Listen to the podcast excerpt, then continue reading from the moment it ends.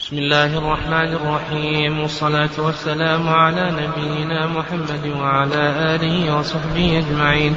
قال المؤلف رحمه الله تعالى وغفر له ولشيخنا والسامعين. إلا شروطا حللت محرما أو عكسه فباطلات فاعلما. تستعمل القرعة عند المبهم من الحقوق أو لدى التزاحم. وإن تساوى العملان اجتمعا وفعل إحداهما فاستمعا وكل مشغول فلا يشغل مثاله المرهون والمسبل. بسم الله الرحمن الرحيم.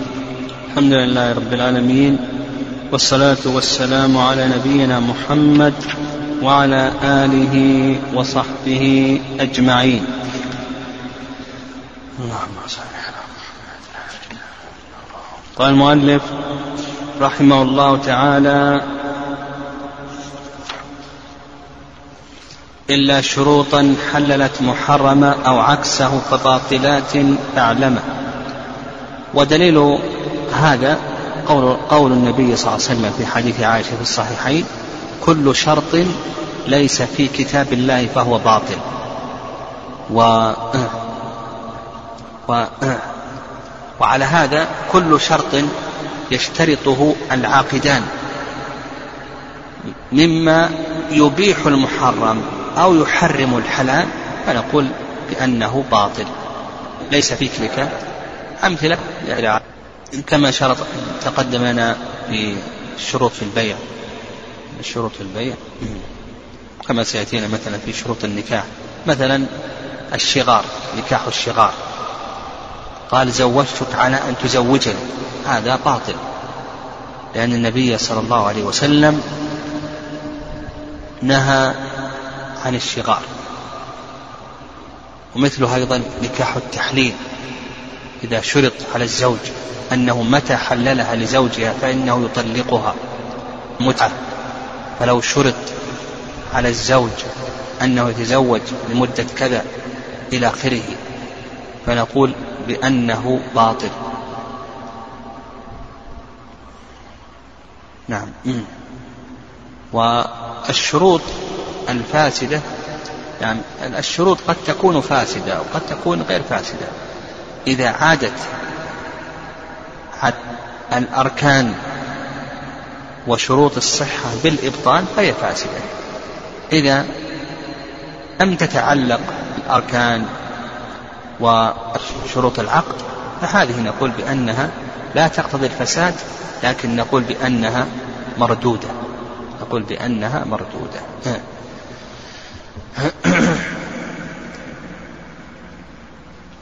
قال المؤلف تستعمل القرعة عند المبهم من الحقوق أو لدى التزاحم. القرعة في اللغة السهمة وأما في الاصطلاح فهي الطريق يتوصل به لاستخراج المشتبه من بين أمثاله. نقول في الاصطلاح طريق يتوصل به لاستخراج المشتبه من بين أمثاله. والقرعة جاءت في القرآن في السنة. أما القرآن فقول الله عز وجل عن يونس فساهم فكان من المدحضين. وقال في شأن مريم وما كنت لديهم إذ يلقون أقلمهم. أيهم يكفل مريم أما السنة فجاء حديث منها حيث عائشة وحيث كعب مالك أن النبي صلى الله عليه وسلم كان إذا أراد سفرا أقرع بين نسائه في الصحيحين. كذلك أيضا ورد عن الصحابة رضي الله تعالى عنهم. قرعة تكون مباحة. يعني القرعة طريق من طرق القضاء. والفصل بين الخصومات. والقرعة تنقسم إلى قسمين. القسم الأول جائزة والقسم الثاني ممنوعة. القسم الأول الجائزة التي يترتب عليها مقصود شرعي وهذا له أمثلة. ذكر منها المؤلف رحمه الله تعالى تستعمل القرعة عند المبهم من الحقوق أو لدى التزاحم. الموضع الأول ما تستعمل مما تستعمل فيه القرعة عند التزاحم في الولايات الدينية. مثال ذلك إمامة هذا المسجد تزاحم فيه اثنان ثلاثة. كل منهم تتوفر فيه الصفات الشرعية. يأم القوم أقراهم بكتاب الله فإن كانوا في القراءة سواء فأعلموا بالسنة فإن كانوا في السنة سواء فأقدمهم هجرة إلى نجري القراءة تزاحم في الإذان في الأذان. كل منهم توفرت فيه الصفات الشرعية. تزاحم في الخطابة تزاحم في الإفتاء تزاحم في التدريس إلى آخره. الموضع الثاني عند التزاحم في الولايات الدنيوية. تزاحم هذين الرجلان أو هؤلاء الرجال في هذه الوظيفة. في هذه الوظيفة. إلى آخره. تزاحموا في هذه كل منهم توفرت فيه الشروط فنقول نجري القرآن. القسم الثالث عندكم في المرافق والمختصات. مثلا تزاحم في هذا المكان للبيع فيه. كل منهم جاء. تزاحم فيه. لا يمكن أن يبيع فيه جميعا. فهما تزاحم في البيع فيه.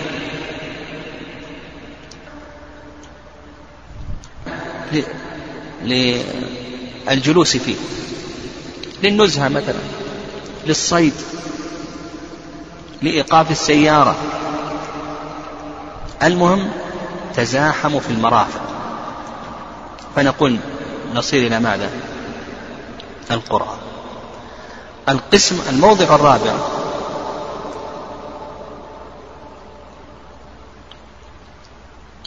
قال لك من الحقوق. إذا اشتبه الحق بأمثاله.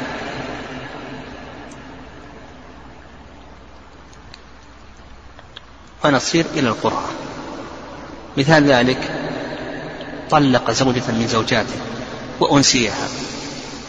أعتق رقيقا من أرقائه ونسيه. وقف بيتا من بيوته نسيه نص إلى القرآن.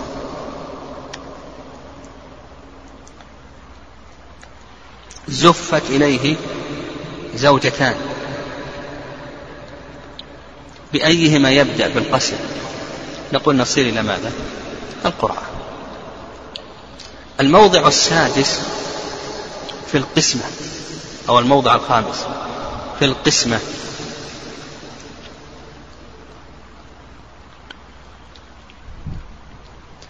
القسمة إذا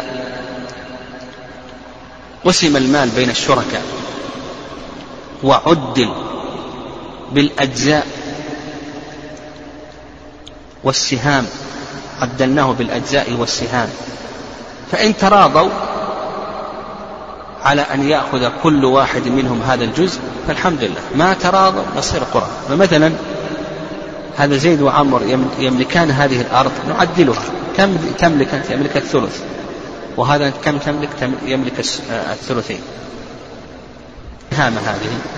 من ستة. صاحب الثلث له سهمان صاحب صاحب الثلثين له أربعة أسهم. هنا الآن نجري القرآن إن إن رضي صاحب الثلث يأخذ هذا الجزء. الجزء الأول والثاني. ورضي الآخر الحمد لله. ما تراضوا لا بد أن نعدلها. نعدلها بالأجزاء والسهام. الثلث الأول السدس الأول كم يكون مساحته السدس الثاني كم يكون؟ كان هذا يختلف. يعني يختلف كلما يختلف اختلاف القيمة. فنحتاج إلى أن نعدله بالأجزاء والسهام على حسب القيم.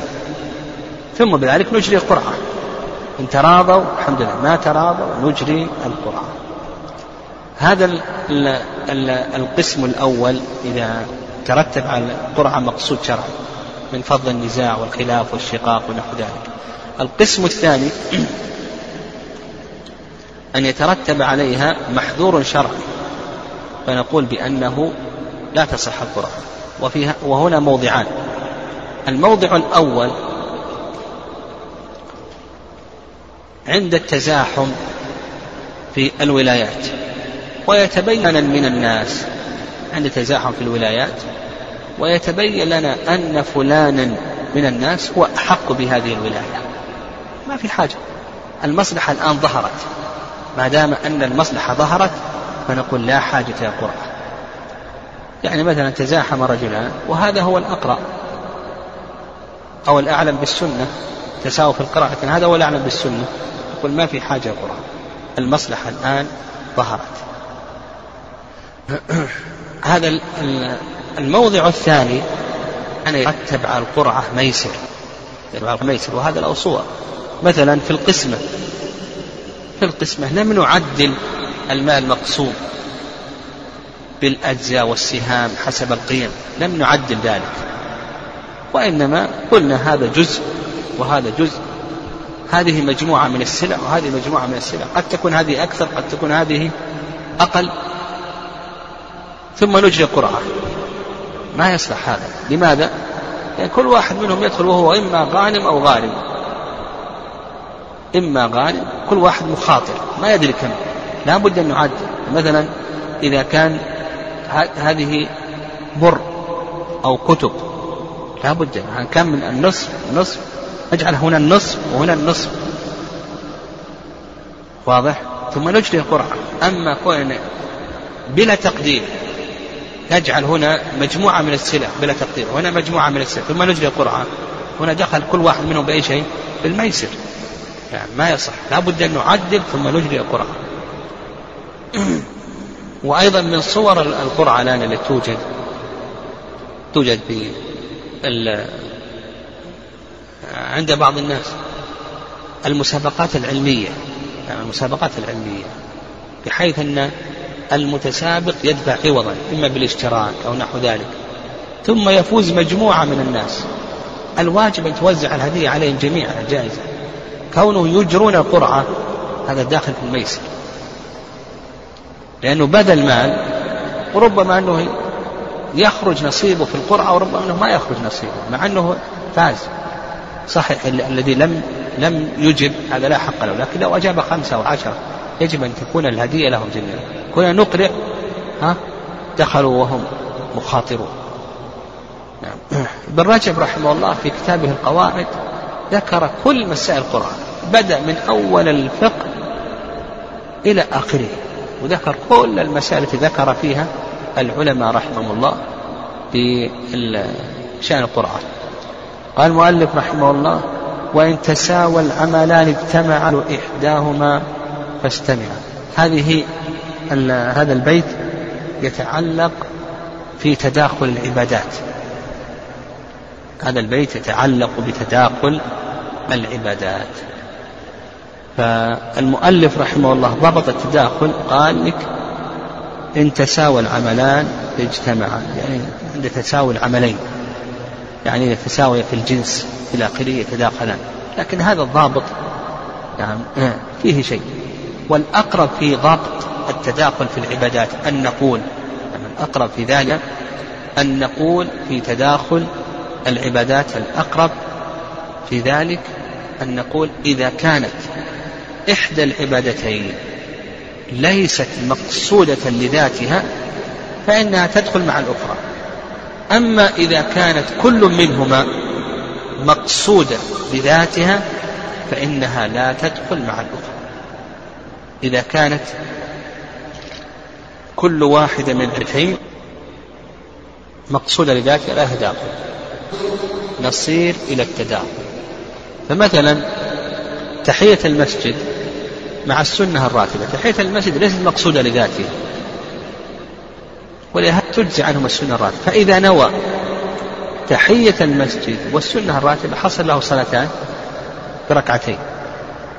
وركعة الوضوء أيضا ليست مقصودة لذاتها فإذا نوى بالركعتين ركعة الوضوء تحية المسجد والسنة الراتبة حصل له ثلاث صلوات بركعتين. مثل أيضا سنة الضحى مع مع سنة الوضوء. مثله أيضا طواف الإفاضة مع طواف الوداع. مثله أيضا غسل الجمعة مع غسل الجنابة. إذا اكتفى بغسل واحد ونوى الغسلين كفى ذلك. نعم. إلى آخره. المهم كما ذكرنا الضابط ألا تكون مقصودا إحدى العبادتين لا تكون مقصودة لذاتها. أما إذا كانت كل منهما مقصودة لذاتها فلا تداخل. إذا كانت كل منهما مقصودة لذاتها فإنه لا تداخل. مثلا السنة الراتبة لصلاة الفجر مع صلاة الفجر. ما نقول يكفي عنهما ركعتان. ما نقول يكفي ركعتان. الأضحية مع العقيقة. لا نقول يكفي شاة واحدة. راتبة الظهر مع صلاة الظهر ما نقول يكفي صلاة واحدة. بل لا بد لأن, لأن كل منهما مقصود لذاته. مقصود لذاته. فلا يكفي. قال وكل مشغول فلا يشغل مثاله المرهون والمسبل. هذه القاعدة قاعدة فقهية. وهي المشغول لا يشغل. نعم المشغول لا يشغل.